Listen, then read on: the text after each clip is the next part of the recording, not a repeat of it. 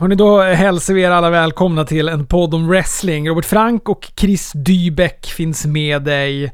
Och boy, vad vi har grejer att prata om Chris. Nå jävels, vilka två veckor vi har haft ändå. Det är ju julafton mitt i semestertider.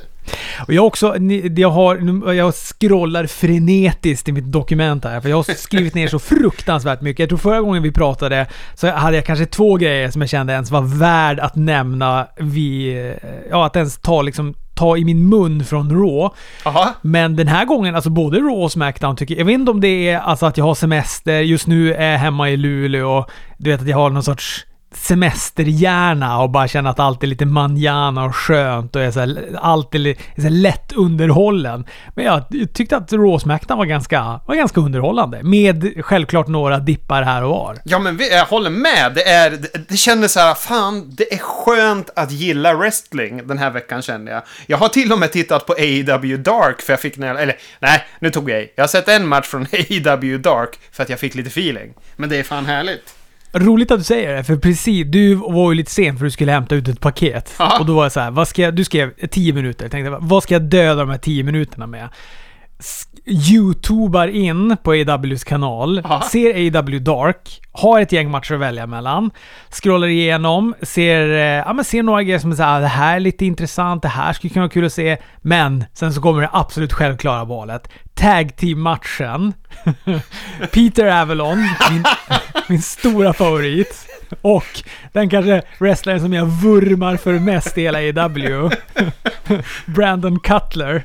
Gordo. De har alltså då blivit ett tag team. Jag ser ju inte på AW Dark, så det här har helt frångått mig. Senast som jag hörde något av dem, då hade de en fade för att de båda hade liksom varit oavgjort i förluster, vilket jag tycker är helt underbart. Så nu har de då blivit ett tag team istället. Här möter de Dark Order. Jag bara så här, den här, den här matchen är 9 minuter och 34 sekunder. Jag ska absolut använda de här väl investerade 10 minuterna till att kolla den underbara matchen. Ja. Fantastisk match. Alltså Peter Avalon. De, de måste göra något bättre av honom. Ja. Att han inte är... Att han inte är världsmästare. Men det är alltså innan de startade AEW, när de höll på med den här Librarian-grejen och de fick eh, fans att eh, tagga till på sociala medier. Då fick jag den känslan av honom då, för att han har någonting som bara han har.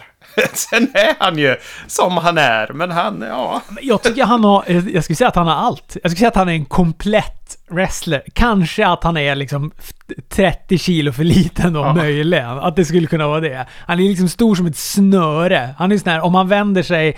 Han, han kan ju stå rätt fram i kameran och sen så vänder han sig i profil och då bara Vars försvann Peter Avalon? Och sen vänder han sig igen. Då kommer han fram. Att han, han är försvinnande liten. Försvinnande smal när han ställer sig i profil.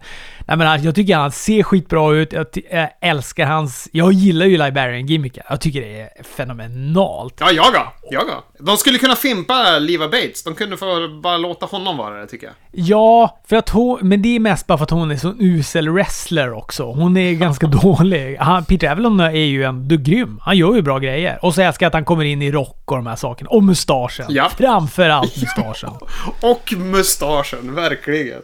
Ja, det här var oväntat. Jag tror vare sig våra lyssnare eller Peter Avalon förväntar sig att man inleder med att vurma över honom. Tar alla chanser jag kan att få prata gott om Peter Avalon.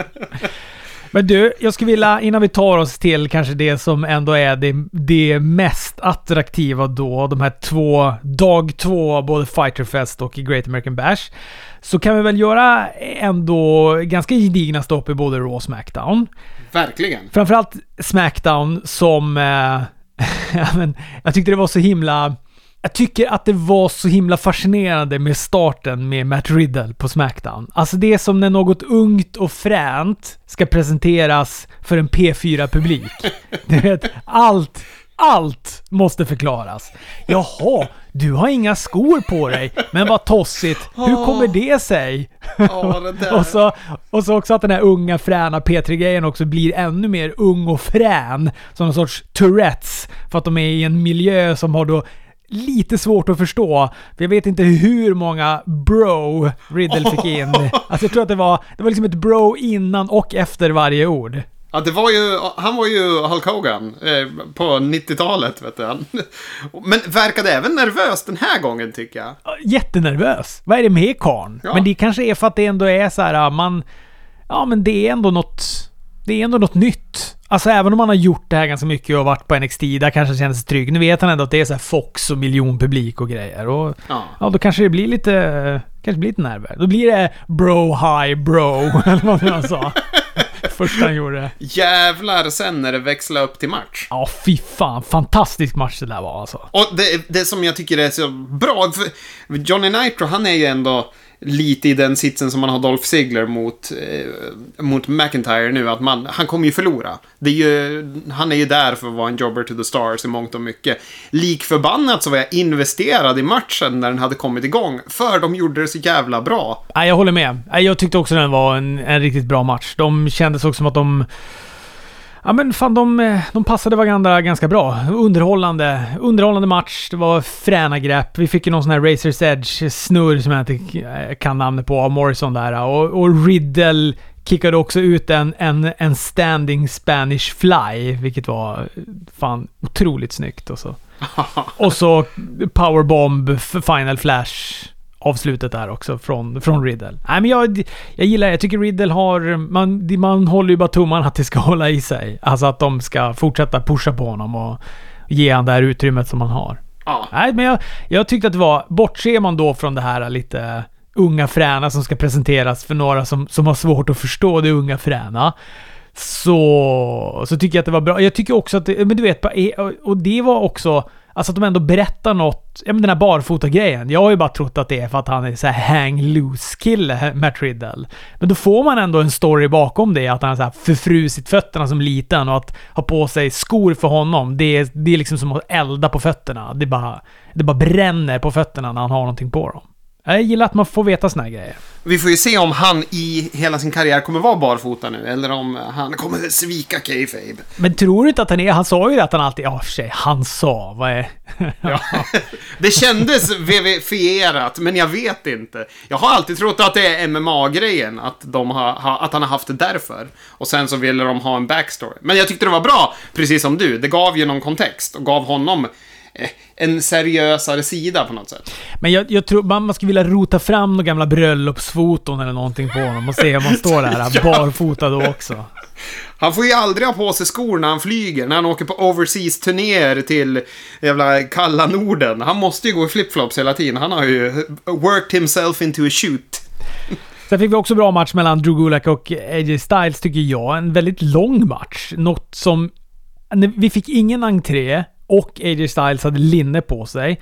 Då var jag stensäker på att så okay, det här kommer bli en kort grej. Det här kommer vara över på några minuter. För att AJ Styles har inte ens orkat ta av sig linnet. Men eh, det var den ju inte. Nej, den, var, den var lång och... Eh, det var, var var en bra match. Två bra brottare. Synd att de envisas med att Gulak ska vara face. Han... Jag tycker inte riktigt att han funkar så som karaktär, men i ringen mot AJ Styles, då blir det ju bra oavsett, för det är två talangfulla killar. Han får ju också... Fast å andra sidan, AJ Styles ska nog vinna den här matchen. Det ska han göra. Ja, ja, ja. Utan, men, men däremot så byggs ju Gulak av att vara i matchen. Verkligen. Och så, vad fick vi mer som jag tyckte var ändå lite spännande? Vi hade ju Bailey och Sasha Banks. De hade snickrat ihop någon sorts tribute till Bailey och Sasha Banks. De försöker ju... Nicky Cross och Alexa Bliss kom in för vilken gång i ordningen. Ja. Och det här resulterade då i en match mellan Nicky och Bailey den här gången. Alltså, alltså att Sasha då snackade in Bailey i en match. Det har annars, annars varit tvärtom. Är lite Magica the Hex över Bailey ändå, nu när hon har blivit lite mer ljudlig. ja, men det har du fan med rätt i. Om vi skulle göra en Disney-version av det här så är hon ju helt klart Magica the Hex. Nej, men då, jag gillade faktiskt den matchen också. Bailey hade övertaget i majoriteten av matchen, vilket hon också ska ha. Hon är ju ändå världsmästaren. Hånar Nikki Cross utanför ringen, som hon då ska möta på Extreme Rules. Hon hånar henne så till den milda grad att hon, eh, att hon till slut ger sig på Bailey och det blir en eh, diskvalifikation. Hon, o, hon kostar ju egentligen Alexa Bliss-matchen. Men det, Alexa Bliss bryr sig föga om det. Det är, som om, det är som om det aldrig har hänt. Men det är väl en ganska klassisk VV-avslutning, möjligen. Ja, hålla alla stark, tycker de. Vi fick också, alltså det, Nakamura mot Kofi Kingston. Cesaro och Big E med in. Alltså jag älskar, älskar att han rullar in i, i ringen, Big E. Alltså längs hela rampen. Han kommer in, han lägger sig raklång och han rullar in i ringen. Han är ju underbar. Jag är en sån jävla paradox när det gäller de där grejerna. Jag hatar bilentré. Det går inte för sig. Men när någon läggs ner och rullar in i ringen, då tycker jag det är hur bra som helst. Ja, men vad fan, är man en, eh, en stor rulle av karisma, då väger man upp det mesta. Två grejer också. Två grafikgrejer som jag reagerade på på Smackdown. Ett var ju, och jag vet inte om det här är ny eller om det är bara att jag lägger märke till den första gången nu. Det är att de lanserade någon sorts ny sån här Don't try this at home eh, segment. Och, och eh, du vet, ja, det här wrestling wrestlinggrepp och så ska, ska man gör, det, Jag tyckte den var ganska rolig. Det var någon som dansade. Det här kan du göra hemma, men det här ska du inte göra hemma. Det här kan du göra hemma, laga mat. Det här ska du inte göra hemma. Ja. Gör en piledriver. Men det var det som var grejen. Att jag tycker att det var så här, att de där wrestlinggreppen som visades, de var ju alldeles för, för mjuka och mjäkiga. Det var något judokast. Man bara, vem har inte gjort ett judokast hemma? Så ska de göra de där grafiken, då måste det ju vara Nej men du vet, då, då ska de ju falla från höga... Då ska de ju liksom hoppa från en stege ner på ett brinnande bord med skorpioner rullade i kära och glas och såna, Du vet så att man verkligen såhär, nej, det där vill jag inte göra hemma. Sen kanske Luleå är piledrivernas mecka i Sverige, för jag vet inte riktigt om, om jag skulle palla en piledriver hemma. Ja, det har gjorts en del piledrivers på väldigt mjuka mattor. Vissa gånger tänkte jag så här, ah, fan överlevde vi om, några av dem när vi backyard wrestlade här på Skogsvallen i Luleå där de hade, vi kröp under stängslet för att vara på den här höjdhoppsmattan och så körde vi wrestling där. Härligt. Vi hyrde sporthallen vi och brottades på tjockmattan också. Hoppa från plintar som Macho Man. Och, nu kanske jag blir lite konspiratorisk, en sån här galen 5G-motståndare. Men grafiken för Extreme Rules, var inte den väldigt AEW Dynamitesk? Både till färgerna och till effekterna när det var så slag och du vet den här dynamit... Eh, i, I de där kulurta färgerna som sprängstoft. Det kanske det kan du ha rätt i. Jag har, har mest tänkt Jeff Hardy i färgerna. Att det har varit väldigt Hardy Boys Eh, estetiken med den här, vad heter det, gröna och lila-aktiga. Ja, det har, du, det har du faktiskt rätt i. Ja. Men om man tillbaka till matchen där. Jag tyckte också den var, var bra. Jag tycker att Nakamura har börjat piska igång sig själv lite grann. Han har ju varit fenomenal. Och sen var han jätte, jättebra i NXT. Sen blev han ju rätt slö direkt han kom till main ja, Han blev ju bara trött. Ja, han blev väldigt, väldigt trött. Men han har ju, han har ju varit väldigt tydlig med det. Att jag är trött. Ja. Och jag gör det här nu bara för att för att runda av allting. Han känner att han har gjort allt det där andra. Och vilket med fan all rätt. Karn är väl, vad är han, 200 år gammal också? Man tror inte det. Ja, något sånt. Men jag tyckte matchen var bra. Jag tycker att han hade piffat upp sig lite grann. Eh, och han får ju också vinna för fasen. Det känns, han är ju också sån där som känns som att han bara fått jobba senaste åren. Men här får han ju vinna på en Kinshasa. Och Kofi gjorde ju också en sån här vansinnig double foot stomp på Nakamura. Du vet nästan som en Finn Balor style. När, det ser ut som att bröstkorgen trycks ihop när de landar. Ja, den var extra stiff kändes det som den här gången. Sen blir det lite stökigt efteråt och så Sara är på väg att hämta ett bord under ringen men Big E hoppar på honom och så blir det då inte helt oväntat match på Extreme Rules mellan dem. Och sen så rundar vi av då med att Sheamus han är med via Zoom. Kör den där klassiska att Jeff har det är en tickande bomb till återfall. Säkert sant. Det är ett superointressant bygge det här. Jag gillade deras match som de gick mot varann.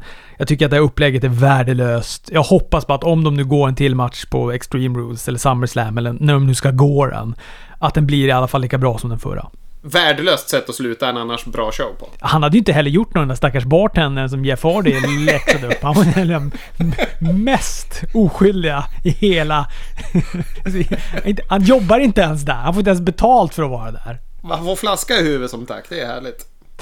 Ja, men det var Raw, eller nej förlåt, det var Smackdown i alla fall. Jag tyckte det var underhållande. Eh, vi eh, kan väl ta också en del om Raw. Fan, jag har skrivit så mycket. Har du tid eller? Kommer ta ett tag i det här. ja, det här, men Raw var fint. Det hade många fina stunder, förutom när jag tittade på det och balla ur och skickade meddelande till dig, men vi kommer ju dit. Ja, det var, det var Big Show. Det är din stora trigger. Ja. Mm. Ja, fy fan. alltså. Ja, men, men jag eh, startade ju med Dolph Ziggler då som hade grävt fram Heath Slater. Och eh, han hade ju, jag vet inte, han hade knapat ryssfemmor eller hade han käkat Snickers? Han kändes stor. men jag kan, inte, så- jag kan inte avgöra ifall han var stor i muskler eller stor i fett. Men det såg ut som Snickers när han hade tröjan på sig, för att han, ansiktet var plufsigt. Men sen när han tog av sig så var han ju faktiskt bitig, så det är svårt att bedöma. Exakt, det var det som var så jävla märkligt. För först när han kom in så tänkte jag verkligen det. Ah, ja men det är klart. Han har fått sparken och så här, nu behöver han inte hålla på och träna. Ja, och, där, och där ligger en chipspåse. Ja. Ja. det är klart att det, man gottar till sig lite. Jag vet ju själv hur det är. Ja. När man får sparken. Men, eh, men, eh, men sen när han tog av sig tröjan så var man så här, fast han är ju inte tjock. Nej. Han är, jätte, han är jättetränad. Så att Ja, ja, ja, märkligt. Skägget fick han kanske att se rund ut. Jag vet inte, för han hade ju ändå skaffat lite, lite fjun. Det har han ju inte haft förr. På det där sättet. Hans snack var i alla fall väldigt, väldigt bra tycker jag. Jag tror aldrig jag sett han vara sådär bra någonsin. Jag har ju aldrig varit särskilt intresserad av Heath Slater, men här tyckte jag att han var... Ja, men jag tyckte det var jättebra. Det kändes genuint. Han pratade om att han har fått kicken, att det här förmodligen var sista gången han står i den här ringen. Ja, jag kände. Jag vurmade för Heath Slater. Men ja, men här är det väl ett bevis på att om de får rätt material att arbeta med så är de ju bra. Här fick han ju vara sig själv. Här var han inte en, en produkt av WWE utan här var han Heath Slater för det här var ju Berges saker som han kände och så vidare. Och det var ju fenomenal promo. Bäst egentligen på hela Raw tror jag. Just hans performance av alla. Det var, jag, jag vurmade också för honom och jag har funnit honom helt jävla meningslös i, alltså snabbspola så fort jag ser honom annars.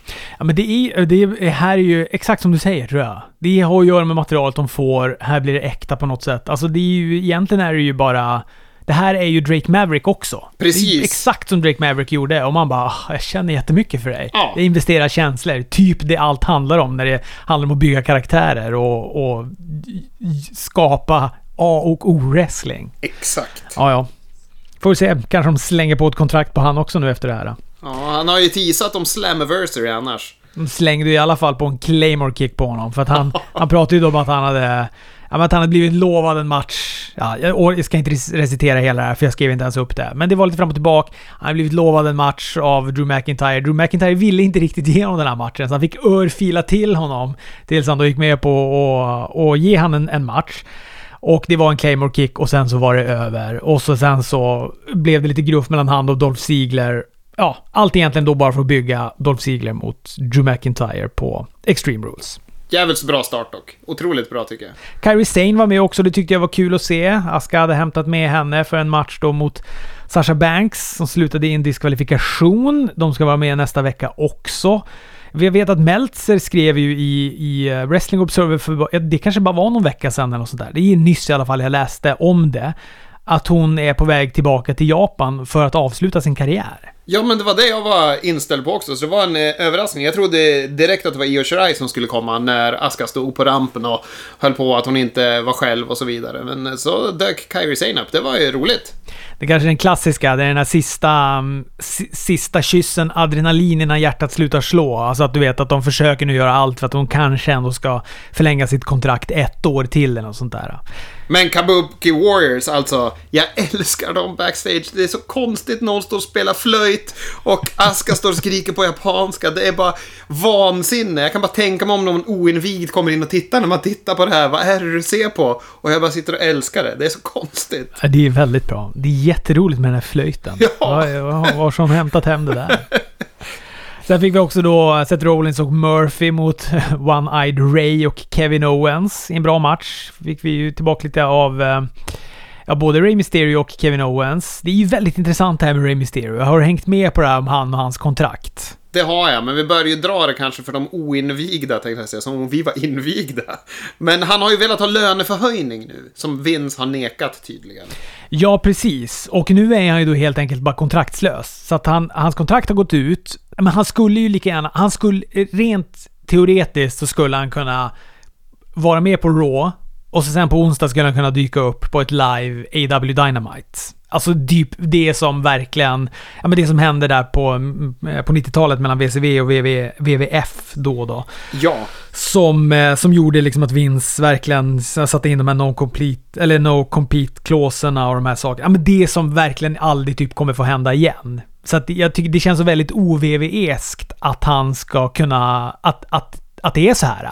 Att de använder honom trots att han inte... Och nu bygger de ju också upp då för en match på Extreme Rules. Och eh, det är ju djärvt att göra det när han inte har något kontrakt. Men... Men de, det är väl att de har Dominic. Det är väl liksom bilan som vilar på hans hals. Exakt så. Det är ju, jag tror att det är för att Dominic är... De håller ju han som gisslan. Exakt. Det är För så han vill, ju att. Dominic, han vill att Dominic ska ha en karriär, en wrestlingkarriär. Ja. Och han vet ju att skulle jag göra en sån grej, då är det i strimlaren med den karriärjäveln. Ja. Eller bartendern som Jeff Hardy s- drog en flaska i huvudet på att komma mer karriär än vad Dominic har ifall han skulle göra en sån sak. ja. Så att, eh, Fult ändå. Ja, ja, ja, de ska ju då mötas då in one, eller vad heter den? Po- Pop your eyes out, eller? Eye for an eye match. Eye for an eye match. Som då ska gå ut på att man ska slita ögonen ur den andra motståndaren. Först då har man vunnit. När man står med ögonloben i, i högerhanden och visar upp den. Vad hände med PG-era här? och det är ju dessutom Facet som står och skriker att det är det som eller han skrek kanske inte, men det är det som är stipulation. Det är helt bisarrt. Ja, Jag tyckte det var jävla spännande för det var ju också, det var ju roligt att se Kevin, Kevin Owens såg äcklad ut Ja. när Rey Mysterio stod där och skrek om att det skulle vara en eye for an eye match att den kommer vara... Matchen är slut när någon av oss har lyckats slita ögonen ur den andra. Jag satt också och mådde dåligt när jag Ja. tittade på det. Ja, vi får se vad det blir av det där. En annan sak som jag också tycker är spännande, som... Ja, men en annan sak som man också får se vad det blir av, det är ju den här nya US-titeln. Som jag fortfarande inte har bestämt mig ifall jag gillar eller inte gillar. Nej, nej, nej. Jag är med dig på det tåget. Alltså jag, jag älskar VCVs US-titel. Tycker den var supersnygg. Ja. Jätte, jättefin. Och sen hatar jag VVS. Alltså VVS har varit den... Alltså det varit, den har nästan toppat listorna på fulaste bälten någonsin. På mig. Alltså, nej, jag tycker den är så bedrövligt ful. Så när det då började ryktas om att de skulle presentera en ny US-titel så blev jag glad. Men jag blev också försiktigt glad. För WWE har ju ett... Eh, ett senaste tiden så har de ju ett, ett stökigt CV när det gäller att presentera snygga titlar. Det är lite varannan eller något sånt där. Men... Eh, men jag vet, alltså, ja, jag, jag tror att jag tycker den... Jo, jag tycker den är snyggare än den nuvarande US-titeln. Om jag måste välja mellan så här, okej det du, det, valet faller på dig här nu Robert. Du får välja mellan den nya US-titeln och den här gamla. Vilken ska de köra med? Då väljer jag ändå den nya. Men jag kan inte säga att jag tycker den är supersnygg, men heller inte ful. Fan vad det är svårt, jag vet inte. Nej, men vi ser när, eh, när den eh, har fått landa. Du kommer... Jag gissar på att du kommer ändå börja gilla den. Det känns som att du lutar ditåt redan nu. Ja, jag gillar ju också när, man, alltså när saker blir nytt. Jag är ju så himla... Jag är ju inte så... Jag är inte så konservativ av mig. Så att jag... Men, men... ehm, ja. Samtidigt, ja. Samtidigt så blev jag jätteglad när de tog tillbaka den gamla interkontinentaltiteln. Skrek av glädje för jag tyckte den var så snygg. Så sitter jag här och säger att jag inte är reaktionär. Ja, ja, vi får se vad det blir av den då. MVP och Apollo ska ju då mötas på Extreme Rules om US-titeln, som inte MVP har. Det var ju också en liten konstig clash där. Alltså, han presenterar en titel tills typ sig själv som han inte ens har. Men han vann ju för sig mot Apollo sist i någon title match, så att han har väl eh, halva inne i alla fall, om inte annat. Mm. Och här då fick de ju också då möta Cedric Alexander och Ricochet i en, eh, en eh, väldigt bra, tycker jag, tag team match. Såg du YouTube-versionen var den väl bortklippt eftersom det är Ricochet är liksom cue för att här klipper vi. Här sitter jag och nickar med mitt nyuthämtade Ricochet-linne. Är det sant? Det är sant. Och det var bortklippt. Så att det är därför jag nickar. Men det var ett Ricochet-linne. Men varför har du köpt ett Ricochet-linne? Eller är det någon som har skickat det till dig bara för att du hatar han eller? Ja, men är för att jag är så kallad ekonomisk. Jag behövde ett linne, att jag måste ju fortsätta gå runt i wrestlingkläder som ett vuxet barn. Och eh, Ricochet-linnet var på, på rea, så då köpte jag det. Jag fattar. Okej. Mm. Du, um, vad får vi sen? Ja, men sen, ja, sen kommer... Ja, du kan ju få ta vidare här då. Big Show och Viking Raiders. Ah, fy fan vad less jag är. Det var ju, ja, och mot tre fenomenala killar. Fan, eh, Andrade och Angel Garza och Randy Orton. Jag tyckte den dynamiken i det teamet var grym. Det var ju inte bara att det var sprickor mellan Garza och eh, Eh, Andrade, utan även Randy Orton vart ju förbannad när de inte kunde arbeta. Och när han greppar Garza kring halsen och säger att jag har ett, en svag plats för dig, för du är en andra generationens brottare. Men om du inte get your shit together, I will fucking kill you.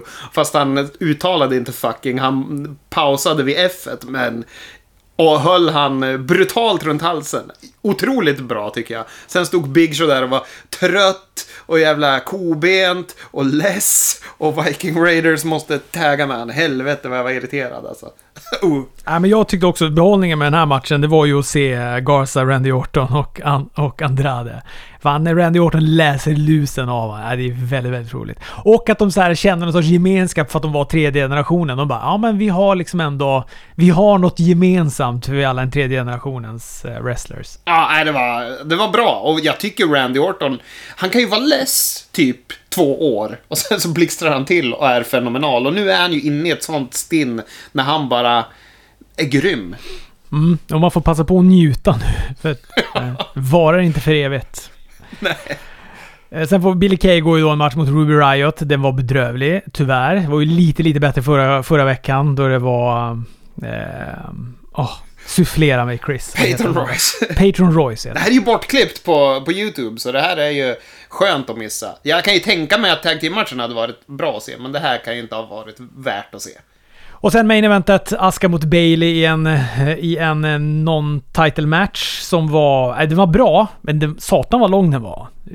Tid. Tid fick den ta, men det var också ganska, ganska bra att den fick ta tid. Det var mycket wrestling. Aska lyckas till slut då vinna genom att låsa upp Bailey i ett Aska-lock och sen rulla upp henne efter distraktion från Nikki Cross då, som tidigare i matchen har blivit utslängd. Men nu helt plötsligt så stod hon i bland publiken bakom det där plexiglas. Utan mask. Utan mask, ja, just det. Ja, de är väldigt maskade nu allihopa där i, på Raw. Japp. Och Smackdown i och för sig. Nu är det AW som, som ser ut som de obstinata tonåringarna. Nu ser de ut som Matt Riddles promo i början på Smackdown. Nu- Ingen har mask där. Nej, men de har ju tester ändå. Så att jag tror att de är safe. Nej, men jag var nöjd med Raw överlag. Jag tycker att det var väldigt, väldigt... Ja, men jag tycker att det var bra. Väldigt, väldigt... Korrigera klipp. Men jag tyckte att det var bra. Man så, man så låg ribba för när det ska vara väldigt bra. Så det, det, det krävs bara att man så här, gillar majoriteten av matcherna och att det är ändå ett, ett relativt bra flow på det. Så bara, ah, det här, ah, det här är det bästa. Det är ju hur bra som helst det här. Nej, men Raw var bra. Det var alltså, Heath Slater var fenomenal och de... Det var liksom få saker som var tråkiga. Man var ju underhålld ändå. Och alltså Bailey. Jag säger, ja, men jag tar fan chansen varenda gång jag kan prata om henne och prata om henne, att hon är så fenomenal. Alltså jag är så, jag är så glad. Jag har alltid gillat Bailey jättemycket och så kändes det som att hon inte riktigt kom fram under, alltså när hon kom, eller det, det funkade bra när hon kom till main rosten. Men sen var det som att det blev... Eh... Det blev ju stiltje fort, men när hon gjorde sin debut, jag hade gåshud när hon gjorde debuten på main roster. Det var fenomenalt tycker jag. Ja, ja men verkligen. Och, och det känns så, så det funkade bra i början. Men se- precis som du säger, sen blev det stiltje. Och så blev det ganska trögt och sen hon vände heel så kände så här, ja men det här, nu kan det bli nytändning igen. Och så bara... Ja Bailey, du är inte jättebra heel alltså. Men sen, fan skam den som ger sig. Nu, hon är ju en av de absolut bästa heelsen som finns. Det här Ja. avgrundsvrålet som hon lägger, av, lägger ut när Aska kickar ut hennes eh, Bailey to Bailey. alltså, nej, det, är så, det, är, det är för bra. Ja. Det, är fan, det är fan för bra alltså. Ja, De, jag tror ju att de inser att hon är sådär fenomenal också. Hon får ju vara på alla shower. Förra veckan var hon ju på alla tre showerna. Ja, just det. Det var hon ju faktiskt. Ja. Ja, men du, ska vi, eh, ska vi ta oss över till, eh, till AW och eh, snacka lite om Fighter Fest dag två? Verkligen. Här är ju... De här två showerna är väl main eventet på veckan, kan man väl säga. Ja, gud ja. Gud ja. Det och så skonar vi in, skohornar vi också in då den här Dark-matchen med eh, Peter Avalon och Brandon Cutler mot, mot Dark Order. Vi kan även skohorna in Brian Pillman Jr. mot Sean Spears, som var den jag såg. Just det! För att det såg jag när jag fl- eh, flippade runt där, eh, vilken av matcherna jag skulle kolla på, så såg jag Brian Pillman och då minns jag att jag hade läst det att han skulle göra en, en debut. Och jag har ju så himla dålig koll på honom mer än att jag vet att han är Brian Pillman, the Brian Pillmans son.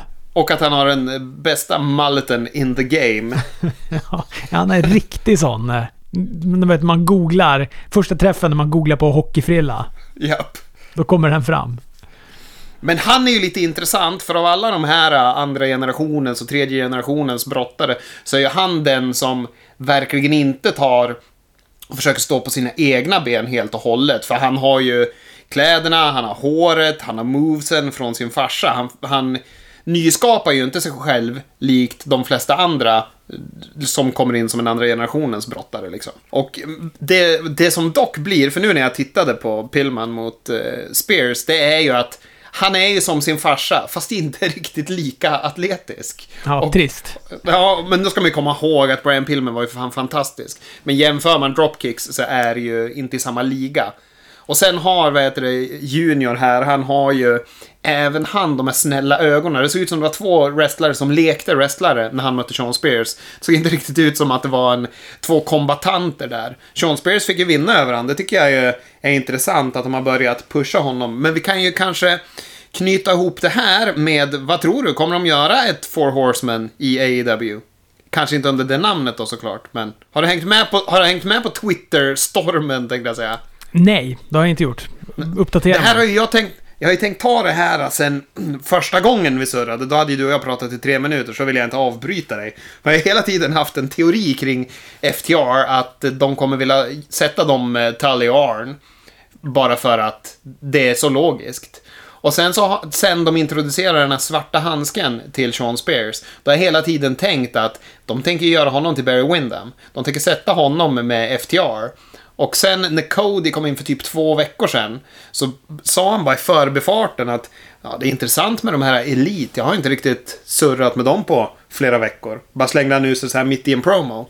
Sen så brottades han väldigt heligt ändå med att Arn kom in och, och sabbade och han har varit lite mer, låt oss säga, Flair-aktig. Sen nu när under matchen med FTR, som vi kommer komma in på, då sitter ju faktiskt Sean Spears i publiken med Tully och de eh, nämner att de här sitter och scoutar. Och efter eh, galan, då skrev eh, Sean Spears att eh, eh, those guys are a really good tag team, eller någonting. Och då svarade Cody med fyra, alltså IV. Och eh, FTR skrev också IV på sin Twitter. Mm, gud vad spännande. Det här har jag missat helt och hållet, men känner att jag får lite gåshud när du berättar om det. Visst är det en bra parning ändå? Alltså om vi tänker att eh, ja, Sean Spears är Windham, den här arbetshästen, den som får ta pins. Vi har FTR som är Arn och Tully som kommer kunna vara ett grymt tag team. Vi har Flair i Cody som inte är riktigt eh, lika blixtrande fenomenal, men dock har han ju jävla promos och också är liksom bra på att lyfta folk i att arbeta med dem. Har haft bra matcher i AEW, tycker han har haft bättre matcher i AEW än vad han haft tidigare. Han har ju lyft sig där tycker jag. Så jag tror att det här kan fan bli något. Och lite det du säger där också, att han är... Alltså Cody känns som en så här... äh, den ständiga tweenen på något sätt. Han balanserar ju alltid mellan att göra lite små healiga grejer. Exakt. Så att, och jag vet att jag tänkte på det där, äh, det du berättade om när han snackade om att där, ja, de här elit, de har jag inte pratat med på länge. Och så där. Att det kändes som att, okej, vad, vad, vad var det här? Försöker han distansera sig från elitgänget här? Så att, ja. Hmm, ja vad, vad kul. Ja, jag hoppas ju på det här. Det tyder ju på att de är på väg ditåt, men man vet aldrig. Och, men det skulle funka. Det skulle funka nog jävligt, tror jag. Ja, spännande. Off on a tangent. Vi, vi börjar med själva galan kanske. Det kan vi göra. Vilken jävla start det var alltså. Ja. Private Party mot Kenny Omega och Hangman Page om eh, titlarna. Det var 15 minuter ren jävla gospel för ögonen. Det, där. Nej, det var så fruktansvärt. Alltså jag älskade den här matchen. Det var perfekt öppning, det var bra tempo, spektakulära grepp. De flesta var tajta. Det var någon grej där, det var någon... Möjligen lite, lite trötta efter att de har liksom hållit på i 180 sen gånggången ljudade. För det var någon double Spanish fly där uh, av Private Party. Ja, precis. Den var slarvig. Ja, precis som Omega. Han lyckades inte riktigt komma runt hela vägen och så var det någon toss suplex som gjordes på trötta armar. Men, eh, men annars, vilken matchjävel. Alltså Ja. Private Party, de är hur bra som helst, men Omega och Hangman Page. Det, det, alltså jag pratar om att Bailey är för bra. Det här det borde strida mot någon EU-konvention att vara så här bra. Men det är ju, vad heter det, kaxigt och det känns även som att, fan, nu är vi uppe i krig när de kör igång den enda titelmatchen. En av de liksom mest erkända som en av de bästa brottarna i världen. Det öppnar vi med. Mot ett ungt jävla tight team och som framtidslöftet i, i Hangman Page. Det är ju jävligt kaxig start. Jag tyckte att det var ganska spännande ändå hur de la upp allting. För att det känns som, alltså jag tycker så här, om jag bara ska dra nu en, en resumé över vad jag kände av både då kontra, Fighterfest kontra då eh, Great American Bash här, dag två på de här. Så tycker jag att eh, jag var lite mer, alltså jag hade mer förväntningar på NXT. Jag var så ja ja men NXT det kommer bli jätte, jättebra. Jag vet ju någonstans att AW kommer bli bra, men jag tror att jag kände att Eh, ja, men det var den här uh, man tag Team matchen som jag var super, super sugen på att se. Men jag var så fruktansvärt sugen på att se Adam Cole mot Keith Lee. Så att det överspeglade liksom rubbet. Men sen när jag såg det här så tyckte jag ändå att AW hade... De hade liksom pytsat ut allting på ett bättre sätt. De hade ramat in det på ett mer... Eh, på ett sätt som kändes mer gala medans NXT tycker jag mer var någon sorts transportsträcka fram till ett jävligt bra main event. Ja, det är intressant hur de har lagt upp dem, för de har ju byggt upp dem. Eh, de har, jag har ju satt och kollade på båda showerna samtidigt också för att kolla vad de satte mot varandra. Sen så har ju inte de vetat det innan såklart, men de har ju ändå haft tankar på vilka eh, trans, när de går över till timme två och så vidare, vilka de har satt eh, mot varandra. Och det man kan säga är ju att det är högre tempo i AEW. De hinner med mer segment. Eh, och eh, har på något sätt ett bättre flow överlag, kan jag tycka. Så det kändes mer... Jag vet inte om det gjorde att det kändes fräschare och, och mer som en gala för min del. Men jag tyckte att det kändes så. Ja, men Omega och Page vann ju då den där matchen med all rätt. Den ska inte Private Party vinna, men de får gärna gå en sån där uh, bra match. Och likt som jag sa förra gången, det känns som att de uh, försöker bygga upp dem mer och mer också. Ja. Den är lite, lite såhär, jag vet inte riktigt vad Matt Hardy har för roll där. Han är ju väldigt osynlig liksom. Ja, just det. Matt Hardy står ju där. Vad konstigt. Det är lite så det känns mer än att, uh, än att det tillför någonting. Men, men. Det kanske, det kanske kommer visa sig längre fram. Vi får se. Sen fick vi ju då Archer mot Joe Janella. Det var väl kanske lite mer av en mellanmatch. Kändes självklart att Archer skulle vinna den. Han hade med sig Sonny Kiss in, som han då hade kidnappat som, som slagpåse. Jag tycker det var jävligt snyggt när Joe Janella vände en blackout, alltså den här uh, Crucifix powerbomben, Razor's Edge då, till en elbow drop. Fan vad det var snyggt alltså. Älskar de där små, små grejerna. Jag vurmar ju lite för Joey Janella. Jag tycker det är lite jobbigt att, att han har sämre fysik än mig. Men jag skulle, hade han tajtat till sig vet du, så hade han, eh, han... Han har ju något extra han tycker jag. Men eh, han verkade ju jävligt less att han var en sån som fick förlora hela tiden. Han gick ut på Twitter och raderade något Twitter-tjofs han skrev. Eh, men han får ju fortfarande bara förlora. ja, men eh, alltså jag, det jag tycker också Joey Janella har någonting. Han känns... Eh, Joey Janella är spännande. Och jag tyckte hans match mot, visst var det Hangman Page på den här första All In-galan som var så fenomenalt jävla bra. Alltså då, det var typ första gången också jag tror att jag såg Joey Nanada på riktigt. Alltså en riktigt sån lång match med honom. Och då tyckte jag, jag tyckte det var fenomenalt bra. Men han känns som privat en, eh, en lös kanon. Det är mycket också ja. sett någon lång jävla... Alltså det var som, det var som att sitta och titta på en lavalampa när han sände live på Instagram och var liksom förbannad på någon något fan som typ sa att han var så tjock och tråkig eller något sånt där. Att han gav sig oh, nej, inte. nu kommer han brinna av på mig också. ja, jag tar tillbaka det. Nu, nu vurmar jag för Peter Avalon igen istället. Han, han känns däremot som en väldigt helylle kille. Ja, otroligt. Ja, men det och eh, Archie fick vinna den där matchen. Det var... Det var eh, han låg lite risigt till, Lance Archie, där vid, vid något tillfälle. Var det inte Sonny Kiss som smög in och gjorde en 450 när domaren var upptagen med, med Jake the Snake? Han lyckades kicka ut den eh, efter två där. Och så satte Joe Janella en blackout... Nej, han satte Joe Janella i en blackout då från ringen ner på ett bord på golvet och, eh, och räknade ut honom. Sen, min kära Chris, så får vi ytterligare ett sånt här eh, bältes, bältespresentation.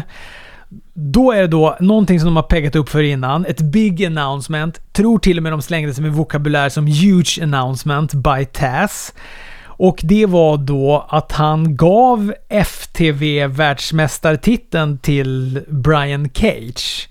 Och då som inte står för For the Win Kids, utan det står ju för Fuck the World. Vilket har satt mig i konstiga situationer eftersom jag inte förstod att, det, att FTW var For the Win väldigt länge. Så jag undrade vad folk på mitt jobb höll på och sa “fuck the world” hela tiden. Men jag har exakt samma historia. Jag, har exakt samma upplevelse. Exakt samma. Folk bara bla bla bla. Göteborg, F, uh, fuck the world. Jag bara, men vad fan, du skriver i någon sorts peppig kontext. Och så bara, vad är det här? Och, och sen då när, när någon förklarade för mig att nej, men det står for, for the win, så känner jag bara hur jobbigt det är att vara i otakt med samtiden.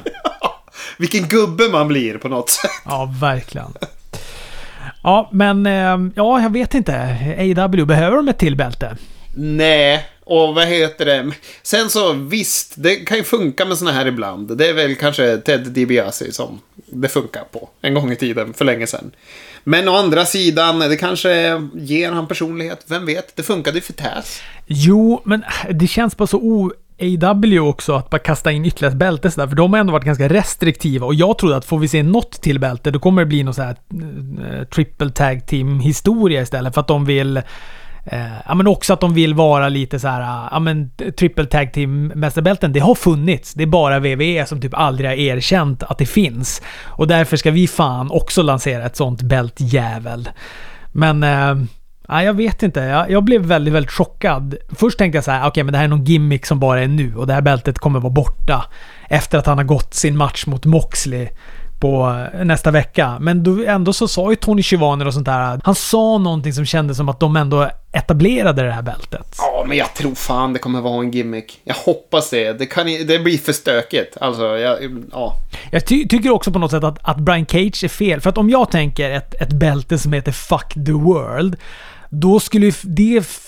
För mig är ju det någon sorts hardcore-titel. Ja. Vi har inga regler. Här är det bara... Det är liksom det är ett bälte som är alltid osanktionerat. Och lite typ som de presenterade jävla 24-7-bältet. när Mick Foley lyfte fram det. Åh oh, herregud, vilket jävla haveri. Hade jag varit... Hade jag varit i Tony Khans öra så hade jag vänt på det. Att Mox hemifrån sitt hem Titta här Taz, nu är det jag som är fuck the world champion. Du är jävla corporate, kommer in med den här äh, slicka Wolverine-kopian. Det är jag som är här äh, och är den hårda. Det hade ju varit en bättre vinkel på det tycker jag. Ja, för det känns som att... Uh, Brian Cage känns inte som att han riktigt, riktigt kan bära upp det bältet på rätt sätt. Då, då är det mer såhär Darby Allen eller något sånt där. Alltså någon sorts hardcore titelvariant. Ja, men visst. Sen pratade också... Uh, Brian Alvarez pratade i Wrestling Observer om det och det tycker jag också hade en poäng att om man nu skulle ha gjort det här, kunde de inte ha väntat till efter? Alltså, för att han kommer ju till 99,9% förlora den här matchen mot Moxley. Han kommer inte ta titeln av Moxley i alla fall. Och då kanske man kan göra någon sån grej. Ah, okej. Okay. Ah, jag förlorade den matchen, men vad fan. Tass han kommer ge mig ett annat bälte. Du vet, för att hålla han het ändå, trots att han har fått förlora en sån pass högprofilerad match som han ändå ska gå om en vecka. Nu har vi presenterat två teorier som var, eller två, två vinklingar som var mycket bättre än den de använde. Ja, varför jobbar inte vi där? Ja, precis. Eh, och sen så kommer då den här matchen som jag trodde, eh, som jag var stensäker på skulle vara main event-matchen då. Young Bucks och FTR mot Lucha Bros och Butcher och Blade och... Ja, och boy, vad bra det här var. Och du fick ju en bilentré. Jag förstår att du är väldigt lycklig över det. Han har snott FTR-bilen va? Japp, och så kunde han inte stänga av den. Så Ray Phoenix vart orolig och fick gå leta efter Butcher som kom där med nyckeln efteråt. Och marscherade in som någon Kaiser från första världskriget. Nej men jag är så, jag förlåter bilentré. När man, om man går en sån här match, då förlåter jag i, du vet, de kan ha bilentré och det kan vara, ja det kan vara allt. Det kan vara, alla kan komma in med gamla VVS US-titel på sig och i bil. Och jag skulle ändå känna, om ni, om ni går en sån här match som är så här bra, då är allt förlåtet. Ja, men helvete. Och det var elektriskt innan de började också tyckte jag. Då var jag liksom på helspänn. Ja, men det var så jäkla mycket och det var spots och det var folk inne hela tiden. De visste ju inte ens själva vem det var som var den legala brottaren, vilket jag tyckte var väldigt, väldigt kul. Nej, men underhållande, det var en fenomenalt bra match. Nick Jackson och Phoenix, alltså deras, den här Step Up Hurricane Run som de gjorde var ju magisk. Ja. Och så var de ju också båda inblandade i den där Springboard Canadian Destroyer-varianten där de då tog sats på Pentagons rygg till repen och sen från repet ut på golvet där de landade typ på alla. Det var väl Nick Jackson som åkte på den som landade precis utanför alla. ja, det var sjukt Men- var det. Ja. Men Ray Phoenix, vilken stjärna han är. Men alltså han är helt, han är helt otrolig. Men han är ju, för han är ju både jättesmooth och sen så får han sakerna att se väldigt stiff ut. Men de är bergis inte stiff. Men ja, det ser ja, fenomenalt ut. Så det måste ha varit jobbigt att vara Butcher här. Han, han var så andfådd och han var några steg efter hela tiden. Och han kämpade, men han gjorde ju säkert sin livs bäst- bästa match på grund av det. Han är ju... eh, han har lite mer att bära på Butcher, det har han verkligen. Men jag tycker ju Butcher Blade är ett jävla kanontag team alltså. Jag gillar dem jätte- jättemycket. Och det kändes som att de hängde igen. Även om de är en helt annan typ av stil när det gäller brottningen så hänger de ju ändå med i den här matchen. På ett formidabelt sätt. Jag tycker ju Blade är en väldigt bra brottare de senaste gångerna jag har sett han. Sen så tycker jag ju Butcher, han har ju en sån otroligt unik look. Jag älskar den looken. Jag blev, blev ju kär första gången jag såg honom, även fast de hade en av de mest ljumma vad heter det, debuterna någonsin. Ingen fattar vad det var som hände. Men han har ju en jävligt unik look. Bra look, tycker jag. Och sen kom den ju också, missen, som man satt och väntade på. Matt Jackson ska ju då superkicka Pentagon, som duckar. Ja, där bak, där står Cash Wheeler, som då däckar av den här kicken. Matt tappar fokus, åker på en, eh, jag vet inte om de kallar den för en LB-driver, en sån här Spike Package Pile Driver i alla fall. Och eh, Pentagon räknar ut Matt Jackson och eh, ja, de vinner matchen. Lucha Bros och Butcher Blade. Bra slut tycker jag. Alltså för att Lucha Brothers behöver få vinna, vi behöver bygga FTR och eh, Young Bucks. Så att eh, bra slut, alla såg bra ut. Alla såg verkligen, verkligen jävla bra ut i den här matchen. Och jag var underhållen hela, hela, hela, hela tiden. Ja, jag med. Nej, det, det var bland det bästa jag sett på, på väldigt, väldigt länge. Men också, för det var ju... Jag tänkte att det skulle bli mer i sprickan mellan dem, men nu skakar de ju hand efteråt och sådär ändå då, Young Bucks och eh, FTR här. Så att, eh, jag vet inte, det bäddar väl för att det kan bli en, en lång... En, en lång historia. Kan, Ja. kan det bli lika lång som Sasha och Baileys utdragna historia innan kollision? Fyra år eller något sånt där kanske de håller på. Ja, men visst. Men vad heter det, jag tror ju att de vill dra på den tills det är publik. Nog vill de väl göra det. Det känns lite så. Ja, det tror jag också. Det tror jag också. Sen hade vi Nyla Rose. Hon körde väl över två jobbers. Jag kände inte igen dem. Eh, och eh, efter så presenterade hon också att hon ska presentera att hon ska få en manager. Ja, ett announcement om ett announcement. De är alltid spännande. Ett announcement. ja, verkligen. Ett announcement om ett announcement. Mm. Sen var det då SEG mot Dark Order, Six Man Tag Team Match. Som... ehm, ja, Colt Cabana fixade vinsten. De vill bygga hans relation med Brody Lee och Dark Order och den storyn byggdes ju absolut av den här. Han var väldigt glad efter att han hade fått vinna och ta pinfallet. Ja, Ändå en helt okej match, tycker jag. Ja, jag tycker, ja, jag tycker också det. Jag tycker att...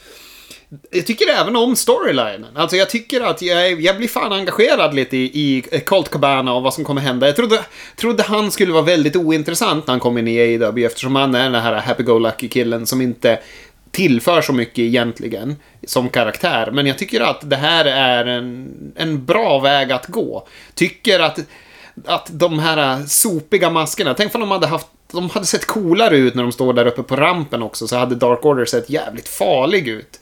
Det fanns mycket bra i, i det här, och sen så tycker jag ju att Cass är fenomenal. Han, kan också, han är lite Randy Orton, han kan vara less och trött, men ibland är han bara helt jävla suve. Och sen fick vi main eventet Orange Cassidy, Chris Jericho i en, eh, i en match som jag tror att Chris, Chris Jericho twittrade ut var han, en av hans bästa match någonsin va? Ja, det skrev han innan, så jag var, jag var taggad inför den här. Ja, jag med. Men jag var jätte, jättenöjd. Jag älskade den här matchen. Jag tyckte den var, jag tyckte den var jätte, jättebra. Jag tyckte den gjorde allting rätt också. Alltså, den fick Cassidy... Ja men fan, Orange Cassidy är en stjärna. Han är en stjärna och skulle ha varit en publik i i den här arenan när den här matchen gick. Alltså det skulle ha varit... De skulle gått helt bananas för Orange Cassidy här. Ja, den var... Jag håller med dig. Den gjorde allt den skulle.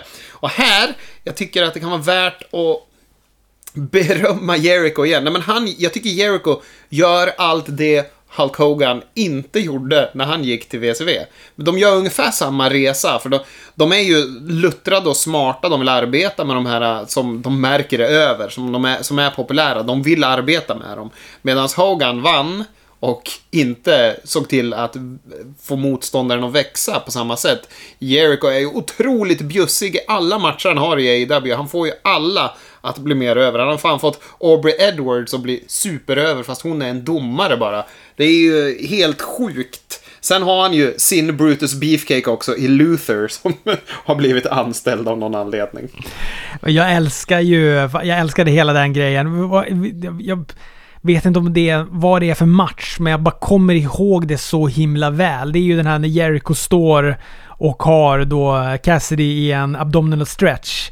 Och så, så fular han då med att hela tiden ta, en, ett, ta extra kraft från repet. Och när Aubrey är liksom fullt upptagen med att stå och prata med, med, med att kolla om Cassidy ger sig eller inte, så tar han tag i repet, så drar han till och så får han då extra kraft av det här. Och så gör han det upprepade gånger. Aubrey Edwards säger till honom, sluta med det där, går tillbaka till eh, fokus på Cassidy, han tar tag i repet igen. Och till slut bara så skickar hon på en jävla spark rakt på handen på honom. När han står där. Jag vet att Earl Hebner gjorde en sån grej. Jag kommer inte ihåg vad det är för match som han gör den i, men den, är, den har etsat sig fast. För jag, tyckte, jag tyckte det var så... Jag tyckte det var så uppkäftigt av lilla Aubrey Edward, eller av lilla Earl Hebner, av domaren att göra en sån grej. Och man ska komma ihåg att hon hette ju eh, Girl Hebner på Indie också. Och det var liksom hennes indie-namn va? Att hon skulle vara den kvinnliga Earl Hebner. Jajamän. Det är fan underbart. Ja. Ja, men jätte, jättebra. Precis som du säger. Orange Cassidy byggs jätte... Han får ju inte vinna matchen, men han byggs ju eh, jätte, jättemycket i den här matchen. Älskar också när han gör det här topprep-movet när han liksom somnar i fallet. Det är väl en big splash han ska göra. Så somnar han, så han liksom somnar i fallet och bara faller som en död säck i den här big splashen. Och ligger och tar täckning på det sättet. Han är ju helt... Han bara rinner karisma av den där karln. Och han, han är så intressant för han, han är så bra på att vara en eldig babyface. Och sen så gör han ju den här jävla eh, slöfocken så jävla kungligt också, precis som du säger. Han tar sig ut en eh, Walls of Jericho, får sen tre liter apelsinjuice i ansiktet av Ortiz. Han hade med sig en gallon in i ringen. Best Friends kommer in springandes, plockar bort Santana och Ortiz. Jericho fuskar med baseballträ, naglar en codebreaker, men lyckas ändå inte räkna ut Cassidy. Och till slut så får han in då en Judas-effekt mitt i ett eh, Superman-punch av Cassidy och, eh, och vinner matchen. Snygg finish, tycker jag. Verkligen. Bra avslut också på den galan. Absolut. Verkligen, verkligen bra. Sen hade vi då eh, NXT och Great American Bash som öppnar med en street fight. Det är Mia Jim mot Candice LeRae. En match som jag var ganska... Ja, men jag tänkte så här, det här kan nog bli bra. Det är två bra brottare och alltså så här, de gav väldigt, väldigt mycket. De var, de var bra, men de lyckades inte göra matchen bra. Jag tycker inte den gick igenom. Jag tyckte den var ganska svag den här matchen. Jag var faktiskt positivt överraskad, men jag brukar ju inte tycka att Mia Jim är spännande för jag tycker att hon gubbskater. Så jag var positivt överraskad, men samtidigt så... Jag kan hålla med. Det var, den, men jag tycker de gav verkligen järnet. Det var ju en, en hård match. Ja, men jag menar Dakota Kai och eh, Tegan Nox gick ju också en sån här street fight som var fenomenal. Och Eh, gav också järnet. Man såg verkligen att de gav allt under den matchen. Och det här var typ samma sak, fast det var bara som att det där som Tegan Nox och Dakota Kai lyckades få fram i matchen, förmedla i matchen. Det, bara, det, det bara lyste med sin frånvaro här. Jag bara tyckte inte att det var... Det var som att det inte... Ja men matchen kom inte fram. Den satte sig inte riktigt. Inte riktigt. I alla fall inte hos mig. Jag, jag var mest bara glad över att jag var positivt överraskad. Jag trodde att jag skulle tycka den var sämre än vad den var. Jag tyckte att det var, det var ju en okej match. Helt klart. Candice vann på en swinging neckbreaker från eh, ett bord som var fastkilat mellan topprepen ner på en, en eh, hög med stolar. Men jag tror också att det kan, kan det vara också att man var sån då hade jag kollat på, ja, två timmar innan det här så hade jag kollat på AWs Fighterfest och den liksom Jaha, öppningsmatchen okej. och kände att jag vill bli lika blown away det första jag blir här nu på, på NXT och så, ah, så möts jag av det här. Nej, det var ju sk- skillnad i tempo på öppningarna. Det kan man ju verkligen säga. Men det som störde mig mest, det var att de här jävla hackerstolarna var tillbaka. De var ute och slogs i publiken. Det var bara såna här klassiska wrestlingfällstolar och en hackerstol som det satt någon stackare på som vart attackerad. Vad är det med de här jävla stolarna? Ja. Bronson Reed gick mot Tony Nees i en eh, bra match. Bronson Reed vinner på en skyhög Big Splash från topprepet. Kanske att jag hade velat ha lite mer takeover-match här eh, än den här. Den här kändes som en vanlig klassisk onsdags NXT-match bara. Men, eh, ja. Men jag tycker, alltså, Tony Nees han är nog en av mina favoriter. Jag älskar Tony Nees, Har gjort det från första gången jag såg honom. Jag tycker han är grym. Jag tycker han har väldigt... Han hade bra karisma nu. Jag har inte sett honom i den här eh, No Crowd-eran, men jag tycker han var väldigt bra när han fick höras under matchen och han fick visa sin karisma. För han har ju varit väldigt anonym som cruiserweight eh, champ och så vidare. Men eh, jävligt bra tycker jag. Så jag är förbannad över att han förlorade. Men det var ju ganska klart att han skulle göra det. Sen tyckte jag vi fick, kom till liksom en helt ny nivå när det gällde picture in picture här på NXT. Nu, hade, nu körde de det till och med under segment där man då ska höra vad de säger. Nu kollade du kanske på eh, WWE Network. Jag kollade på Network. Ja, och ja då, precis. då slipper man picture in picture. Det gör man inte här, utan mitt under liksom Robert Stones försök att värva Shotzi Blackheart. Ja, då bara... det blir en liten ruta upp i hörnet istället, så hör man inte ett jävla piss av vad han säger. Nej! Men, men eh, jag såg att han såg fräsch ut, det gjorde mig glad. Det känns som att det börjar vända för Robert Stone nu i alla fall. Han var kung ju! Jag tycker ju han är grym. Sig dog han ju nästan när han blev överkörd av en leksaksbil där. Men jag, jag tror att det kanske bokstavligen gjorde inte sådär ont, utan det var nog mer att hans självkänsla dog av att han blev överkörd av en leksaksbil. Ja, men visst. Sideswerve Scott gick mot Gargano, också en jätte, jättebra match. Men... Eh, Det var inga stakes, tycker jag. Alltså, det, den var inte om något. Den var bara där, för mig. Nej men exakt, det fanns som inget bygge om det här. Och jag tror att det är det. Vet du vad? Jag tror att det är nog det också som gör att jag kände lite... Alltså absolut, Candice LeRae och Mia Jim, de hade ändå ett bygge, de två. Tony Nese och eh, Bronson Reed, ja, det fick de liksom skohorna in lite från någon, någon annan grej. Man fick se något så här litet kort videopaket där något hade hänt. Ja, Okej, och det här också. Ja, alltså Sideswerve Scott, han, han liksom stod snett bakom när Mia Jim och Candice LeRae rök ihop mellan varandra. Ja. Och han vet, skulle vara så här, hörni ursäkta, ska vi kanske lugna oss lite? Och det, liksom, det eh, var bygget för matchen mot Gargano. Men sen var det en bra match. Men det Absolut. kändes som att uppläggen hade tagit slut inför kväll nummer två på Great American Bash. Ja, de fick arbeta i uppförsbacke, för den här matchen var väldigt ointressant för mig första, kanske halvan. Sen så bara, fan, nu är jag investerad. Nu börjar, när de har fått börja berätta sin historia i ringen. Men det ju- måste ju vara så jävla otacksamt för dem att gå upp med de premisserna. De gick dessutom upp emot, eh, vad heter den här 8-man-taggen på AEW. Ah. Det var ju samtidigt som den här. Oj, oj, oj. Ja. Ja, in, ingen slingshot spear i världen kan, kan rädda de tittarsiffrorna. För den var ju, det, det var ju snygga grejer också i den här matchen tycker jag. Hans, han Gargano, han gör den där slingshot-spelen, alltså han ser ut som ett spjut som kommer åkandes. Han är fan spikrak när han kommer åkandes med det. Och han, eh, Scotts där, eh, JML Driver också, när han tog hjälp av repen, var också riktigt, riktigt... Eh, ja men det var riktigt snyggt. Den var snyggt bokad, den kändes jämn. Den lyfter också Isaiah Swerve Scott den här matchen. Eh, och Gargano vinner på en final beat ja. Sen hade vi en, en grymt snygg video tycker jag med eh, Tiggen också i Shirai, de skulle bygga deras eh, titelmatch. Ja. Den gillade jag jättemycket. Io badade samtidigt eller någonting. Det, var, det, det började ju mest att hon såg mystisk ut och håret fladdrade, men sen började det ju bubbla ur näsan. Då förstod jag att hon var under Ah, vattnet. hon är i badkaret och klipper den här promon. Ah, ja, ja. Lite apart, men ändå bra. Ja, men det var härligt. Jag tycker de bygger det där bra. Kommer bli en spännande match att se. El Legado del Fantasma versus Brisango. Som gjorde entré i mexikanska masker. Det är väl någon sorts kulturell appropriering det. Och då Dre Maverick givetvis.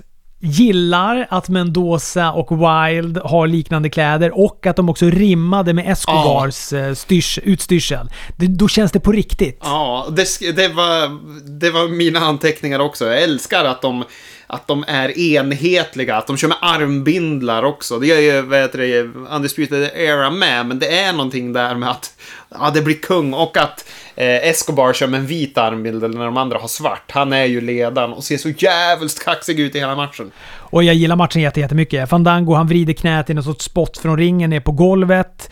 Eh, Del Fantasma turas då om att heal-jobba det här knät. Till slut får han till en hot tag till Drake som då får äntligen ge igen på Santos Escobar som hade undvikit konfrontation hela den här matchen.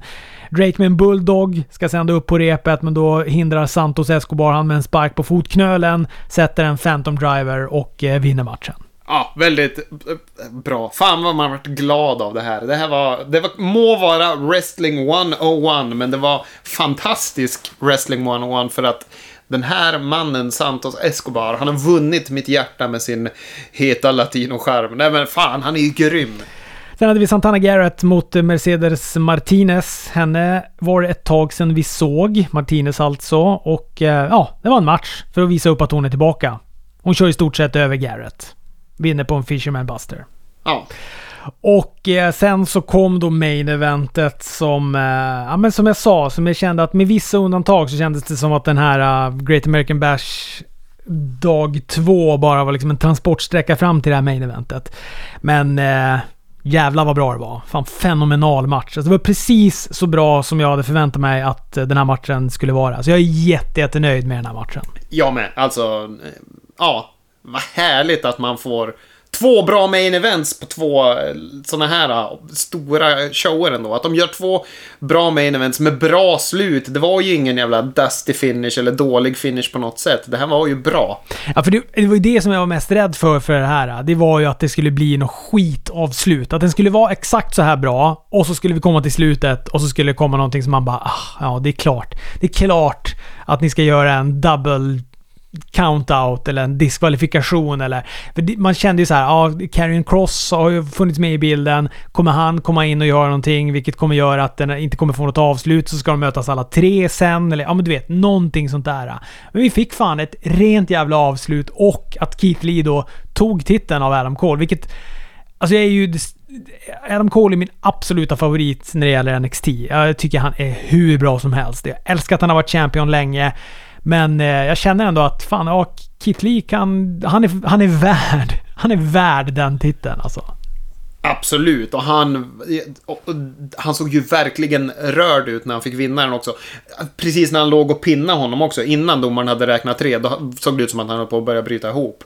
Det var verkligen känslor i den där ringen. Han, han hade väl förlorat sin tränare också förra veckan, tror jag. Ja, precis. De snack, sa någonting om det, va? Mm.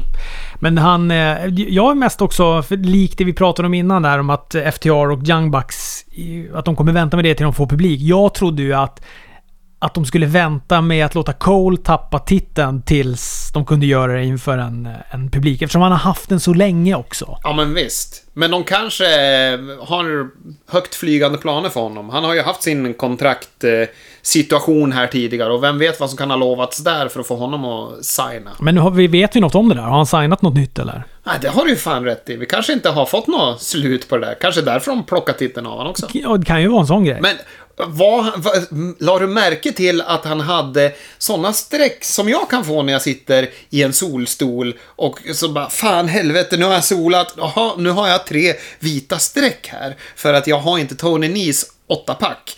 Eh, sådana hade ju för fan eh, Cole hela matchen. Det såg ut som han hade suttit som ett dragspel innan han gick in i ringen. Det störde mig. Jag kände mig som Vince McMahon när jag satt där och tyckte att fan nu har han blivit Fat King Cole igen här.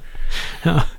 Eh, älskar i den här matchen när Kit Lee sätter en powerbomb och eh, tar pinfallet på Cole. Men han då lyckas i sista sekund få fingret. Och då ja. menar jag alltså bokstavligen pekfingret upp på repet för att bryta det pinfallet. Alla tre dör ju fenomenalt. Både domaren, Cole och Lee i reaktionerna. Cole ser helt död ut men får fingret där och Keith Lee ser ut som han kan inte tro sina ögon och domaren med... Ah, jättebra.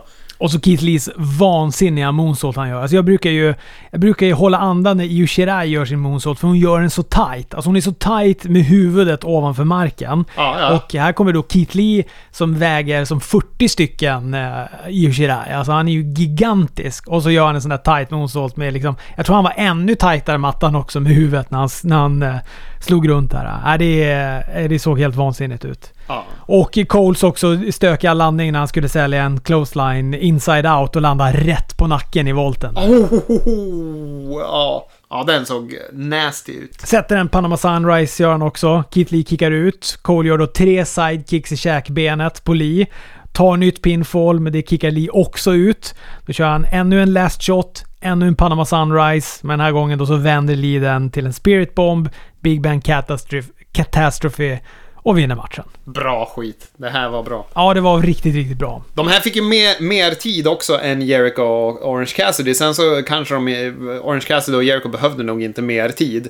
Men här kan ju, vad heter det, NXT ha vunnit eh, tittare också. Alltså, och fått kvar dem eftersom det här var en så pass bra match. Och när den här matchen började, när entréerna började här, då var det Dark Order som var på andra kanalen. Så att här hade de programmerat bra. Du ska få gå speglar spegla dig i det där Ricochet-linnet. Jag ska ta och eh, googla upp gamla indie-matcher med Peter Avalon, så hörs vi om en vecka igen. Det gör vi. Ha det gött!